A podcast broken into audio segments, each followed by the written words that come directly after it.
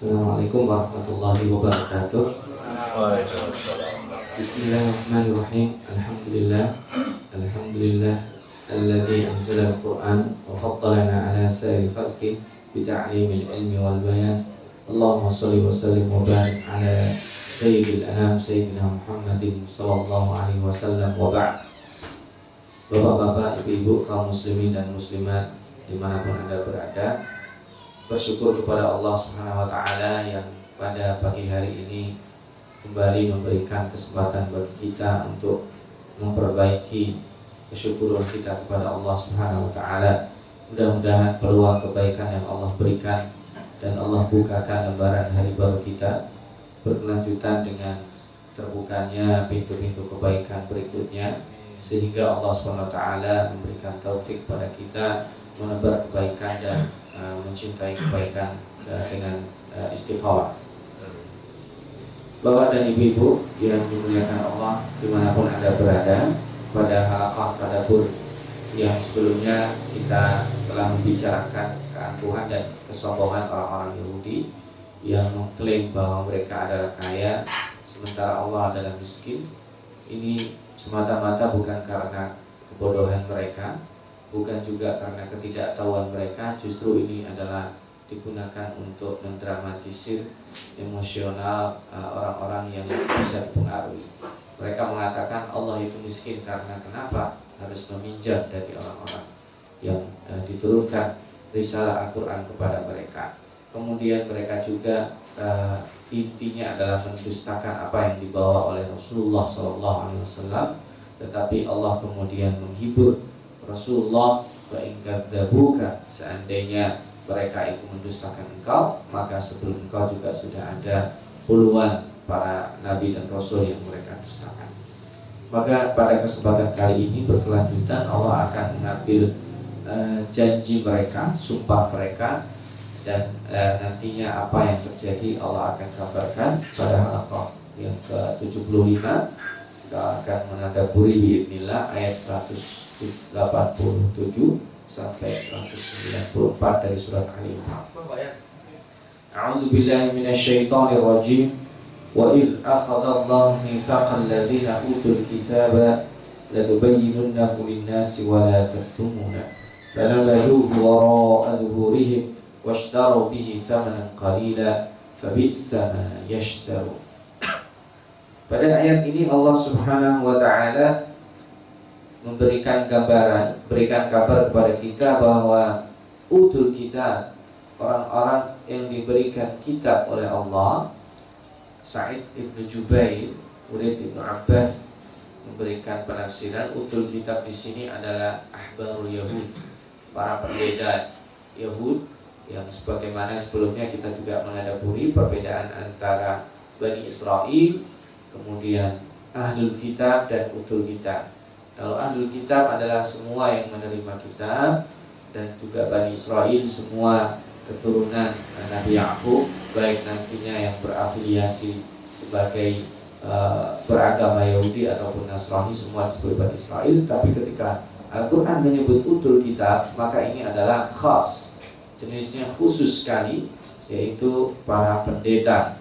Dan ketika di sini disebut utul kitab yang dimaksud di sini adalah ahbar al-Yahud yaitu pendeta dari kalangan Yahudi. Apa yang Allah pegang dari sumpah dan janji mereka? Nifak yang di sini yang disebut janji dari Allah untuk mereka satu la tubayyinunnahu bahwa ketika mereka mendapatkan uh, ilmu dari Allah sebagaimana utul ilma di sini utul kitab pengetahuan tentang Alkitab itu bukan untuk mereka saja, tetapi Allah bersumpah e, mengambil janji bahwa mereka nanti setelah tahu la tubayyinunnahu linnas bahwa mereka akan menjelaskan kepada manusia, pada kaumnya, wala taktumuna dan tidak diperbolehkan mereka itu menyembunyikan baik sedikit ataupun semuanya. Di sini bahasanya bukan ketika wa in akhadallahu mitsaqal ladzina utul kitab ini kan bentuknya kata ganti ketiga harusnya kan wala yaktumuna tetapi ketika dibilang wala taktumuna dan jangan sekali-kali kalian menyembunyikan Alkitab ataupun uh, yang sudah dibaiat oleh Allah SWT untuk disampaikan kepada manusia. Jadi di sini kontennya langsung seolah-olah Allah mengisahkan apa janji yang dipegang oleh mereka sebelum nantinya mereka mendapatkan amanah Alkitab. Zuhurihim. Tetapi yang terjadi adalah mereka melemparkan e, kitab itu wara'a di belakang mereka. Ini tentunya e, bukan hakikat, ini adalah majaz. Ini tidak hakikat, ini adalah bahasa kiasan. Fanabadhuhu wara'a zuhurihim itu kiasan kalau kita mempunyai sesuatu nggak dipakai itu pasti dilempar ke belakang. Maka fana batu waro seolah-olah mereka nggak pernah berjanji sama Allah, seolah-olah mereka tidak punya amanah dari Allah. Maka fana baduhu, maka kembalinya kepada e, sumpah tadi menyampaikan kitab fana baduhu mereka lempar ke belakang waro Satu ya, jadi mereka nanti akan mengambil bagian ayat-ayat tertentu. Maka nanti dikabarkan dalam uh, surat Al-Baqarah dulu ya, kita sudah sempat mempelajari. Mereka yang sebagian beriman dianggap menguntungkan akan mereka pakai. Tapi sebagian ayat lagi ketika itu merugikan atau tidak menguntungkan maslahat mereka, maka akan dicampakkan. mereka campakkan semuanya itu. Washtarau bihi thamanan qalila dan mereka di sini kedua menggunakan bahasa yang berikutnya. Ini bukan hakikat juga ini adalah majas. Maka washtaru bihi qalila mereka menjual. Nah, jadi di sini ada jual beli. Jadi kalau akad jual beli itu bukan hanya masalah fisik ada masalah jasa. Maka hati-hati jual beli itu juga bisa terjadi kepada kitab Allah Alkitab maka ada jual beli rumah, jual beli buah-buahan, jual beli baju, jual beli barang itu kita sudah sering ya.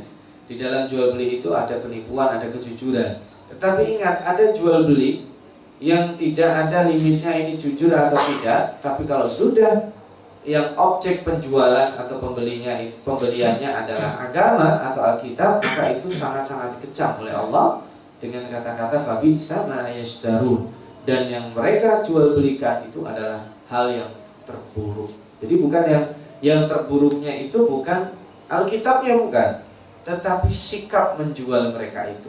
Jadi kita tidak boleh salah menafsir ya. Kalau fabi sama yastaru diberi dikembalikannya kepada Alkitab berarti kan itulah uh, Alkitab seburuk-buruknya yang mereka jual. Jadi bukan kontennya yang dikecam di sini adalah caranya. Tidak boleh kita.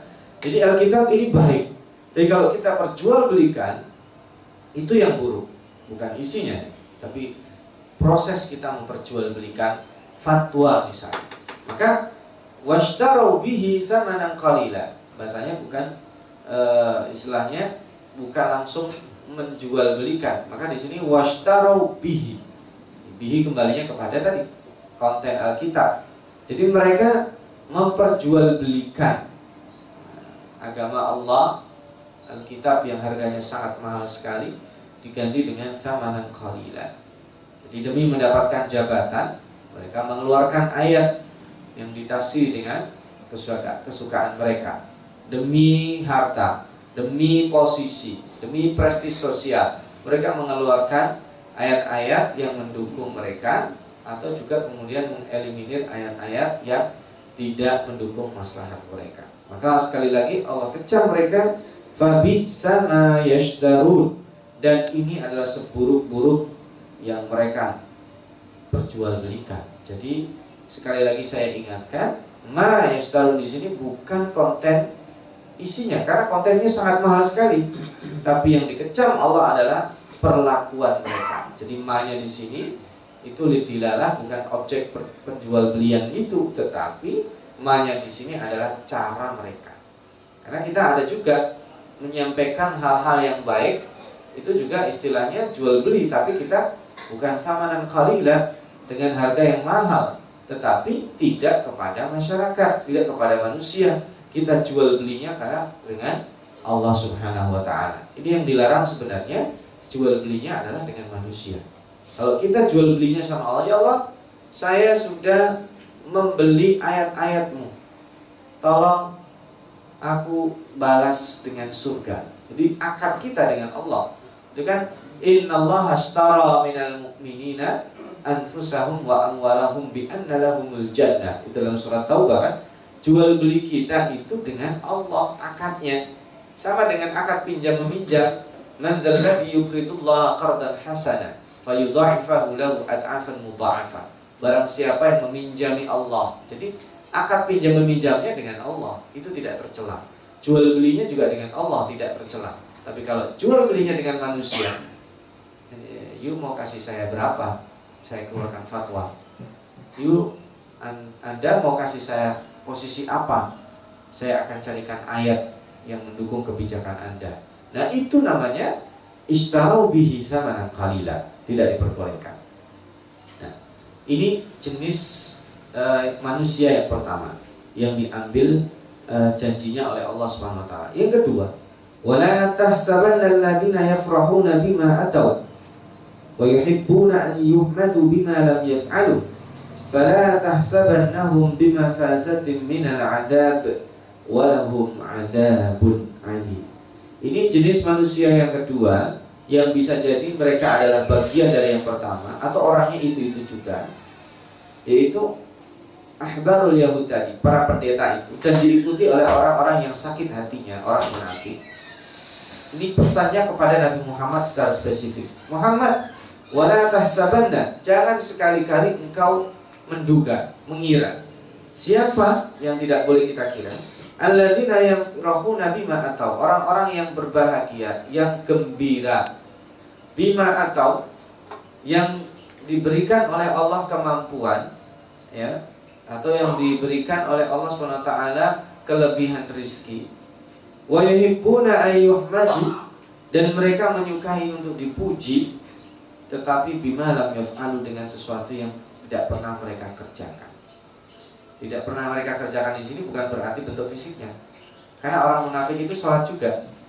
Nah, jadi kalau kita bilang oh kayaknya nggak mungkin deh itu yang melakukan adalah si orang dia sholat orang dia e, zakat, orang dia suka mendermakan. Nah, itu bukan bimalam yaf'alu bentuk fisiknya karena fisiknya mereka sholat juga, tetapi itu tidak dianggap oleh Allah Subhanahu wa taala. Jangan sekali-kali kita kira bahwa orang-orang yang e, telah melakukan sholat pada hakikatnya mereka tidak atau bahkan mereka tidak pernah melakukan kebaikan kemudian mereka suka dipuji dan ini juga kalau sifatnya adalah nifak, kita jangan merasa bahwa kita aman dari itu, Bapak-bapak dan Ibu-ibu sekalian. Ada banyak hal yang kemudian kita tidak pernah melakukan, tapi kemudian dipuji suka. Bilang sekarang sedang marak-maraknya isu jasa palsu ya. Itu sama aja. Kita merasa tidak pernah sekolah, tiba-tiba mencantumkan doktor misalnya. Ya, sekarang yang dibuka kan itu ya. Sama aja. Jangan dikira uh, itu sesuatu yang biasa. Tidak pernah kita lakukan dipuji orang. Tidak pernah kita melakukan dipuji orang. Yang berlaku itu lebih baik sebaliknya. Kita melakukan kebaikan, orang tidak tahu. Kenapa? Karena akan jual belinya kita dengan siapa? Dengan Allah. Maka Muhammad wala tahsabanna alladziina wahai Nabi Muhammad wala tahsabanna alladziina yafrahuna bima atau wa yuhibbuna ayyuhmadu bima lam yaf'alu Jangan kau kira orang-orang yang suka dipuji padahal mereka tidak melakukan apa-apa. Itu orang-orang yang gila pujian. Jangan dikira seperti apa. Wana diungkap di sini ada ada uh, dikonfirmasi lagi. Fala tahsabannahum bimafazatin minal adab. Artinya mereka jangan kau kira selamat dari adab. Walahum adabun ali. Ini menandakan Allah membuka tabir hijab nantinya karena orang-orang itu pada hakikatnya sesungguhnya adalah orang-orang yang memiliki kebusukan di hatinya. Maka di sini kaitannya orang Yahudi dengan orang munafik itu kuat ya. Kalau kita lihat sumber fitnah e, perselingkuhan yang dihembuskan kepada Ummul Mukminin Aisyah radhiyallahu anha itu ya pasti ya kolaborasi antara orang-orang Yahudi dan orang-orang munafik ya. orang sebaik Aisyah bisa dituduh selingkuh itu kan mungkin bisa jadi orang umat Islam nggak terbayang. Nah, kita maka jangan mengira kayaknya kalau yang dituduh si A kan kiai besar, ulama besar, kayaknya nggak mungkin. Kita jangan menganggap itu sesuatu yang tidak mungkin, karena e, nantinya kalau sudah digoreng itu sesuatu yang kelihatan yang mustahil ternyata terjadi. Itu yang dialami oleh Aisyah e, di tengah keluarga Rasulullah SAW. Orang yang baik dituduh selingkuh dengan orang yang baik juga. Itu dihembuskan antara orang yang pertama tadi, Ahbarul Yahud, dan orang-orang yang ada yang kedua yang mengikuti jejak mereka dari orang-orang munafik. Ini dua ayat ini kelanjutan dari ayat kemarin. Nah, ayat berikutnya Allah ingin membicarakan tentang kekuasaannya. Walillahi mulkus samawati wal ardi wallahu ala kulli syai'in qadir. Dan bagi Allah biasanya diberikan ma fis wal. Di sini langsung mulku. Karena di sini menceritakan tentang kedikdayaan dan kekuasaan Allah. Bagi Allah adalah seluruh kerajaan yang ada di langit dan di bumi. Jadi sekarang kalau kita tanya siapa sih raja paling kaya di dunia? berapa kekayaannya. Dia sanggup memberi berapa pulau. Dia sanggup memberi makan berapa orang di dunia ini. Maka itu tidak ada bandingannya ketika kita tampilkan walillahi mulkus samawati wal ardh. Wallahu ala kulli syai'in Allah itu sanggup berbuat apa saja dengan kerajaannya. Maka Allah memiliki segala kerajaan dan juga sekaligus dia memiliki bisa menggunakannya. Karena di dunia ini ada juga raja-raja simbolik, tapi dia nggak punya kekuasaan. Maka itu bukan lillah, bukan milkiyah tamah. Sementara Allah punya milkiyah tamah. Sekarang mohon maaf jika ada seorang raja, tetapi dia adalah raja-raja simbolik, maka itu juga bukan raja sebenarnya. Dia boneka. Seorang pemimpin, seorang raja, ketika dia hanya menjadi simbol pemimpin, pada hakikatnya tidak bisa menentukan kebijakan, maka ketika membaca ayat ini walillahi mulkus samawati wal ard. Kita akan ingat ayat yang kita baca tiap petang dan pagi. Qulillahumma malikal mulki tu'til mulka man tasha wa tanzi'ul mulka mimman tasha wa tu'izzu man tasha wa tudhillu man tasha biyadikal khair innaka ala kulli syai'in qadir. Ini ayat yang membuat kita kaya. Allah yang memiliki segala kerajaan. Yang memberi rizki itu bukan orang tua kita. Allah kita jangan sombong. Yang menyekolahkan anak kita itu perantaranya kita, tapi hakikatnya yang mendidik adalah Allah. Maka ada orang tua yang kebingungan nanti anak saya sekolahnya gimana? Allah itu yang urus. Nanti kalau saya punya anak sekarang punya anak dua saja susah, masa mau nambah satu? Allah yang urus. Jadi mulkus samawat di sini unlimited ya, tidak dibatasi. Maka Allah tunjukkan berikutnya tanda-tandanya apa? yang memiliki kerajaan seluas langit dan bumi itu inna fi khalqis samawati wal ard di dalam penciptaan langit dan penciptaan bumi waqtilafil laili wa nahar dan adanya perbedaan malam dan siang itu la ayatin liulil albab adalah tanda-tanda kekuasaan yang diketahui hanya bisa diketahui oleh siapa? Oleh ulil albab. Albab di sini adalah bentuk plural dari lub. Lub itu artinya inti daripada otaknya. Al-Quran tidak pernah menggunakan akal di dalam Al-Quran. Ya. Al-aklu tidak pernah disebut di dalam Al-Quran. Karena Al-Quran tidak ingin kita mendewa-dewakan akal. yang ada fungsi menggunakan. Maka nanti ada dalam Al-Quran itu afala taqilun, afala yaqilun, nakil ya. Proses menggunakan akal disebut di dalam Al-Quran tetapi akalnya secara fisik tidak pernah disebut. Apalagi otaknya. Otak itu hanya ada di warteg-warteg ya. Tidak ada. Jadi akal saja tidak pernah disebut. Apalagi bentuk otaknya. Itu tidak pernah disebut di dalam Al-Quran. Dalam bahasa Arab, otak itu disebut dengan al Itu tidak ada di dalam Al-Quran. Nah, lub di sini adalah inti daripada akal. Jadi ibaratnya begini, kalau akal itu nanti kemudian dijelmakan menjadi otak, ya kita tidur disebut punya otak enggak punya otak. Kita sedang bicara sedang marah-marah punya otak enggak punya otak. Tapi kenapa kemudian ketika kita misalkan melakukan hal bodoh yang sangat naif orang sering bilang nggak punya otak. Mungkin kita harusnya bisa jawab loh saya punya kok. Iya kan? Jadi kan kalau misalnya dimarahin dasar orang nggak punya otak misalnya, kita kan harusnya jawab punya saya. Gitu kan? Nah ketika otak itu tidak digunakan itu tidak disebut disebut dengan lub maka ulil albab adalah orang-orang yang menggunakan akalnya dengan baik. Itu baru disebut dengan lub dalam bahasa kita dalam bahasa biasa bapak-bapak kalau pergi ke negara Arab disebut dengan lub itu adalah isi daripada kuaci. Tahu kuaci ya pak ya? Yang dimakan apa ya isinya. Kulitnya dibuang. Jadi kalau kita lihat orang makan kuaci kan lihat orang orang sabar kan gitu kan? nah, kalau disuruh milih udah tolong kupasin saya makan isinya ada nggak kayak gitu hampir nggak ada saya kira justru orang itu membeli kuaci itu adalah dia menikmati kumasan. Kalau di sini saya tidak tahu ya, kalau orang-orang Arab itu sudah membeli kuaci, ngobrol, nah itu artinya mereka mau mendiskusikan sesuatu yang serius atau mau nonton bola atau dijadikan teman untuk ngobrol panjang. Nah itu intinya itu bukan makannya, dia pas itunya. Ya, kalau ini filosofinya ya, saya ngambil dari istilah orang Arab biar kita tahu apa sih ulil albab itu, itu dari di situ. Dari kuaci, kalau kita makan kuaci itu, ya saya sendiri bukan nggak hobi makan kuaci ya tapi juga konyol sekali tolong kamu pasti nanti kalau udah selesai biar saya makan gitu. Tidak ada hampir tidak ada orang yang memberikan instruksi seperti itu. Nah, kalaupun ada anak kita minta diajari cara memakan isi dari kuaci itu. Maka loop di situ adalah akal yang digunakan nah orang-orang yang mempunyai akal mempunyai otak digunakan untuk berpikir itu disebut dengan ulil albab ciri-cirinya nanti akan disebutkan setelahnya itu penciptaan langit, penciptaan bumi.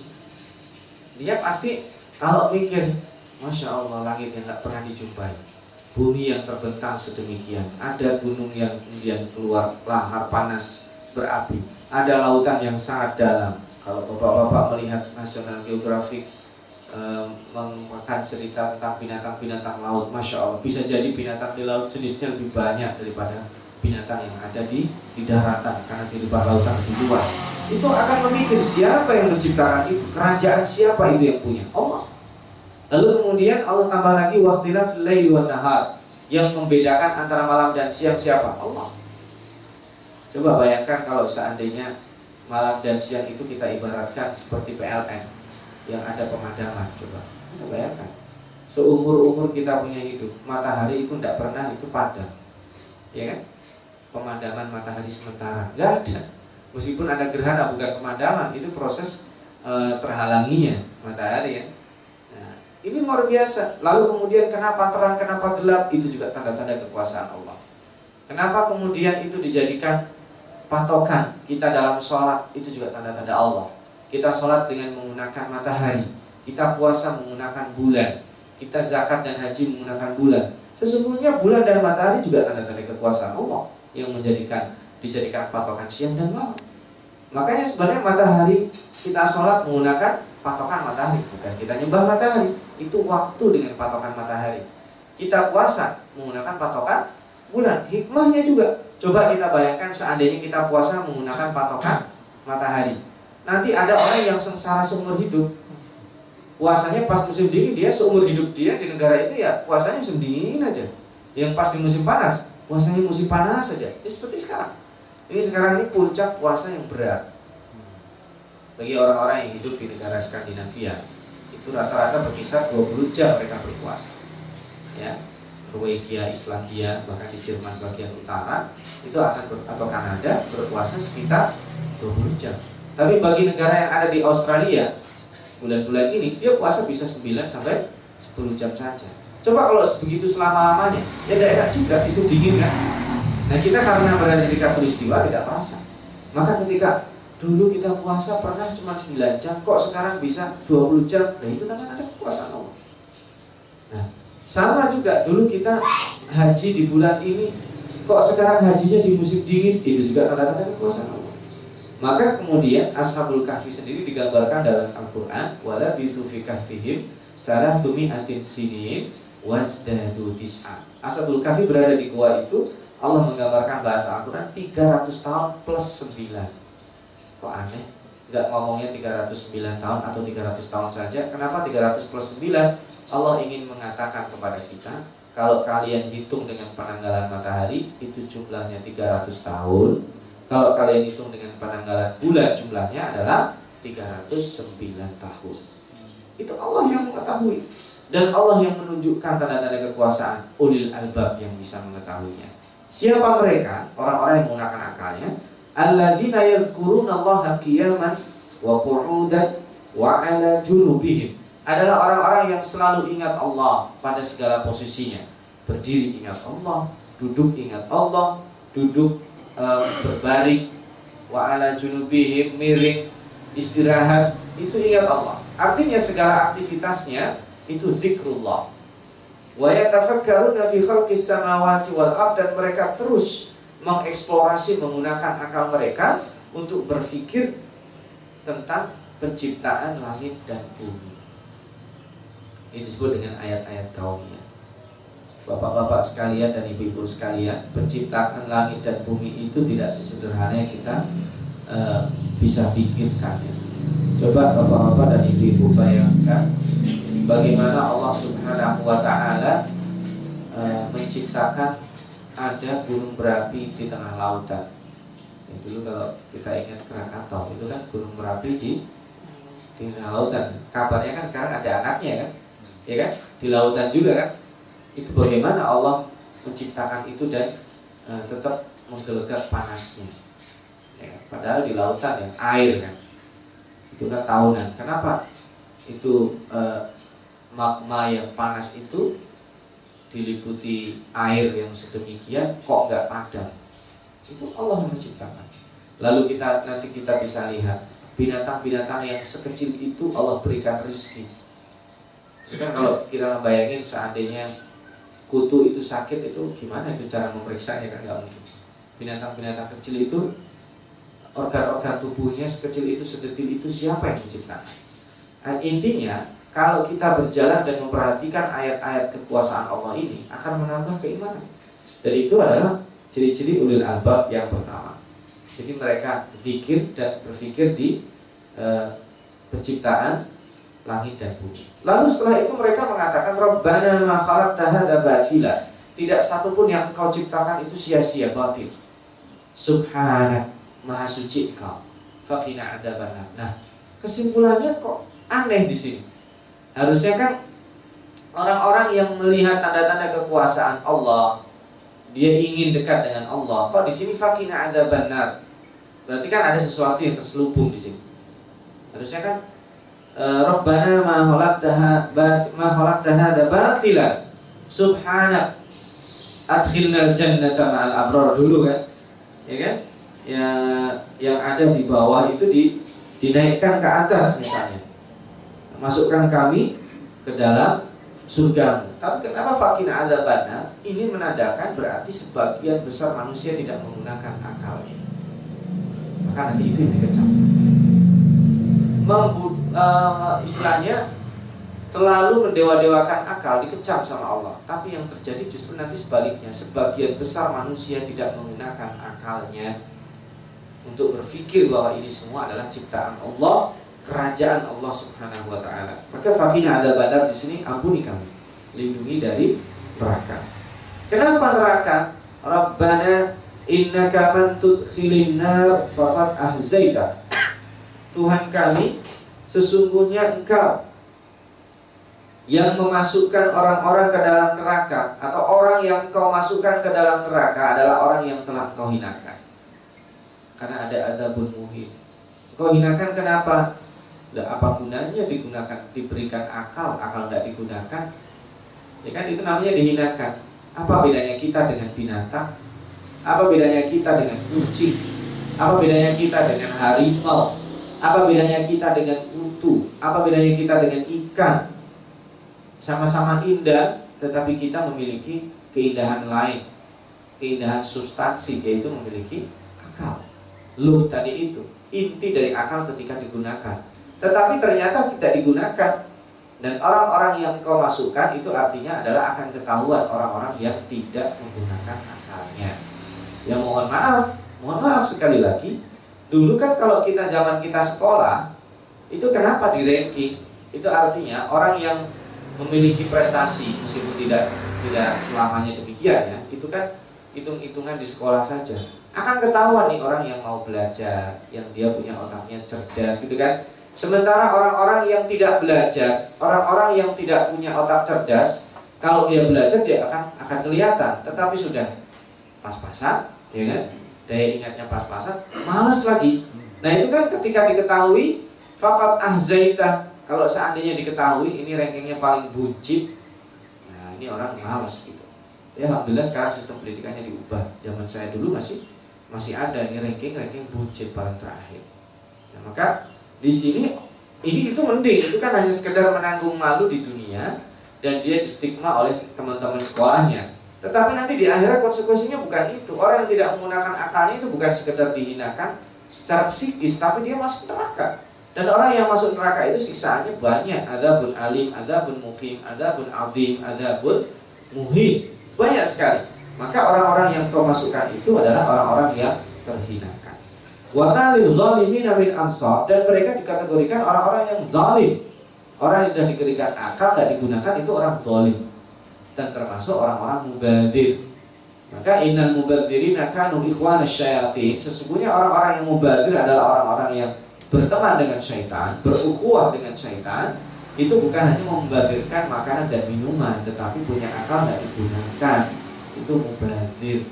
Maka orang-orang mubadir itu juga orang-orang yang zalim karena kebodohan mereka itu bisa mengakibatkan keburukan. Dan mereka nantinya ketika dimasukkan ke neraka itu tidak tidak ada ansornya, tidak ada penolongnya.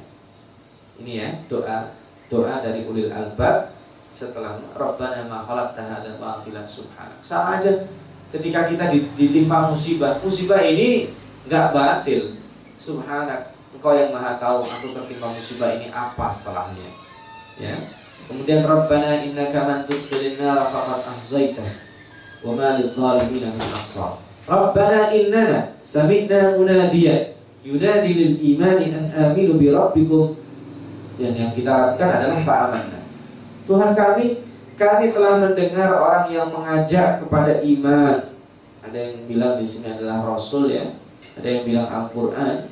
An aminu birabbikum yang menyuruh kami beriman kepada Tuhan kalian. Tapi kemudian dan kami kemudian menjawab amanna. Fa amanna kami telah beriman tapi iman kami tentunya ada kurang lebihnya ya Rob. Maka doa doa berikutnya apa? Rabbana faghfir lana dzunubana wa kaffir 'anna sayyi'atina wa tawaffana ma'al abrar. Maka ini doa. Luar biasa doanya dahsyatnya. Rabbana fir lana ya dzunubana dosa-dosa dan kekurangan kami dalam menggunakan akal. Mohon ampun ya wa kafir anna sayyi'atina dan tutuplah ya. Tutuplah aib-aib kami. Ya tutuplah aib-aib kami dan e, ampunilah. Dan doa yang terakhirnya rangkaian yang doa di sini adalah wa tawaffana ma'al abrar. Dan matikanlah kami bersama orang-orang yang baik ya. Abror ini bentuk plural dari barun. Jadi orang baik selalu baik itu disebut dengan barun. Abror berarti orang yang uh, selalu baik. Jadi orang yang selalu baik bukan orang yang tidak kesalahan. Sekaligus di sini ingin mengindikasikan bahwa orang yang baik bukan orang tidak punya salah, tetapi mayoritas hidupnya penuh dengan kebaikan. Atau kalaupun dia punya kesalahan, kesalahannya ditebus dengan kebaikan setelahnya. Itu disebut dengan abror. Jadi abror itu artinya apa? Ya Rob, dengan keterbatasan yang kita gunakan akal kami jangan engkau ikut, jangan engkau anda dengan kesalahan yang diakibatkan cara berpikir kami jangan engkau anda kami bertaubat. Kami ikuti dengan kebaikan. Maka tawafana ma'al nah doa terakhir.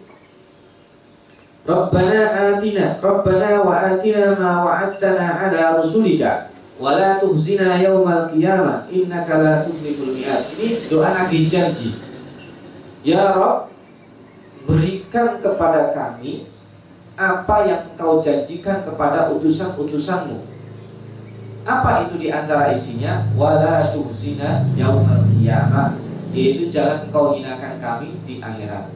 Apa penghinaan pertama? Airnya dibuka. Makanya kan kita selalu berdoa ya, ustur uyubana. Ghafirid dzambi wa qabilit taub. Ya ghafirid dzambi wa ya qabilat taub. Ustur uyubana. Jadi kita bertaubat. Astaghfiruka wa atubu ilaik itu artinya apa? Kita dan mohon maaf bapak-bapak dan ibu-ibu setelah selesai sholat yang kita baca pertama kali itu apa? Istighfar. Padahal kita tidak sedang melakukan maksiat. Habis sholat kita istighfar. Itu kita tutup kebaikan kita dengan mohon ampun kepada Allah. Ya Allah tetap tutup aibku.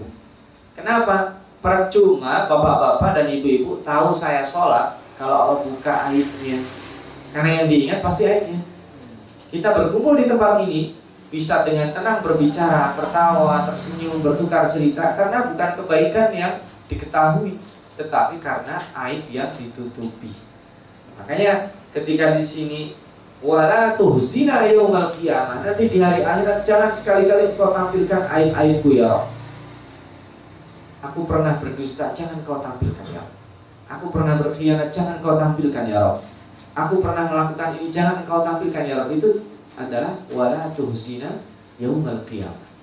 Nah, innaka la tuhliful mi'at ini memuji sungguhnya engkau adalah zat yang tidak pernah menyelisihi janji. Jadi selalu menepati janjinya. Dan janji yang paling ditepati adalah janji menolong rusul-rusulnya. Maka nanti di hari akhirat Allah Subhanahu wa taala akan tampilkan rasul-rasul yang mereka uh, yang telah dilindungi oleh Allah Subhanahu wa taala dan janjinya rasul itu dimuliakan. Dan karena kita mengikuti ya kita berharap mengikuti yang mulia kita dimuliakan oleh Allah Subhanahu wa taala. Ini uh, kita pada halakoh ke-75 uh, satu halakah lagi bismillah kita akan menghatamkan surat Al-Iqra dan kebetulan sekali uh, berada di penghujung uh, bulan Syaban ya. Kita nanti berdoa mudah-mudahan uh, dengan hatamnya surat kita Ali Imran ini merupakan tanda kebaikan kita menyambut bulan suci Ramadan.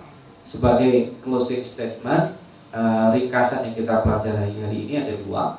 Yang pertama tentang ahli kitab dan orang-orang munafik itu sudah diambil janjinya. Jangan jangan dikira ketika kita Islam itu yang dibayar kita bukan orang-orang kafir, orang-orang munafik, orang-orang pendeta sebelum mereka lahir pun mereka sudah dibayar oleh Allah. Dan tambahannya ketika mereka diberikan kitab itu ada bayat berikutnya.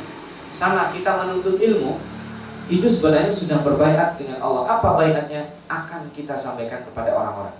Jadi saya ketika belajar Al-Quran itu sama halnya saya sedang berbayat kepada Allah. Nanti setelah saya belajar Al-Quran itu punya amanah apa? Menyampaikan dan wala taktumuna tidak boleh disembunyi-sembunyikan. Sampaikan semuanya. Tidak boleh diambil untuk ke kepentingan keuntungan saja. Karena nanti sebagian mereka ada yang memperjualbelikan ayat-ayat Allah untuk kepentingan mereka. Nah ini mereka pegang janji. Nah sama dengan orang-orang munafik yang mengikuti mereka juga diambil uh, sumpah dan bayatnya oleh Allah Subhanahu taala. Itu yang pertama. Yang kedua penciptaan Allah yang sangat luas ini adalah kerajaan Allah Kerajaan Allah yang sangat luar biasa sanggup memperlakukan apa saja menolong hambanya itu dengan kita ketahui kerajaan Allah di langit dan di bumi. Dan tanda-tanda kekuasaan Allah ini hanya diketahui oleh ulil albab, yaitu orang-orang yang menggunakan akalnya, bukan orang-orang yang punya akal. Orang punya akal belum tentu menggunakan akalnya. Dan orang yang menggunakan akal disebut dengan ulil albab. Dan orang yang punya akal toh tidak menggunakan akalnya nanti akan disiksa, dihinakan. Makanya di sini nanti disebut uh, wala tuhzina yaumal qiyamah. Nah, di sini doanya yang pertama kali fatina ada banda karena orang yang diberikan akal tidak digunakan dia akan disiksa. Nah, itulah kenapa di dalam surat At-Takatsur di akhirnya kita sering membaca walatus alun yauma idzin anin na'i. Nanti yang ditanya oleh Allah Subhanahu wa taala bukan tentang dosa-dosa yang kita lakukan, tetapi yang ditanya apa? Anin naim. Nikmat yang Allah berikan itu untuk apa? Nah, dalam hadisnya kan diperinci ada lima ya.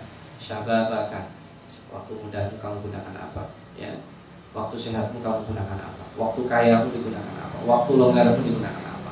Waktu hidupmu digunakan apa? Ini semuanya akan dipertanggungjawabkan oleh kita semua masing-masing. Mudah-mudahan saat pertanggungjawaban itu doa kita yang terakhir di sini di dalam surat Ali Imran dikabulkan oleh Allah. Wala zina yaumil qiyamah kita tidak uh, di Allah, kita tidak dibongkar aibnya Allah, kita tidak dihinakan oleh Allah dan karena Allah tidak pernah menyelisih janjinya menolong hamba-hambanya yang bertakwa dan mengikuti Rasulnya dimuliakan dengan kedudukan yang mulia. Itu yang bisa Al-Fatih sampaikan. Mohon maaf atas segala kekurangan. Wa jazakumullahu khairan. Aku qauli hadza. Ja'alallahu iyyakum minal ladzina yastami'una al-qawla fayattabi'una ahsana. Wassalamualaikum warahmatullahi wabarakatuh.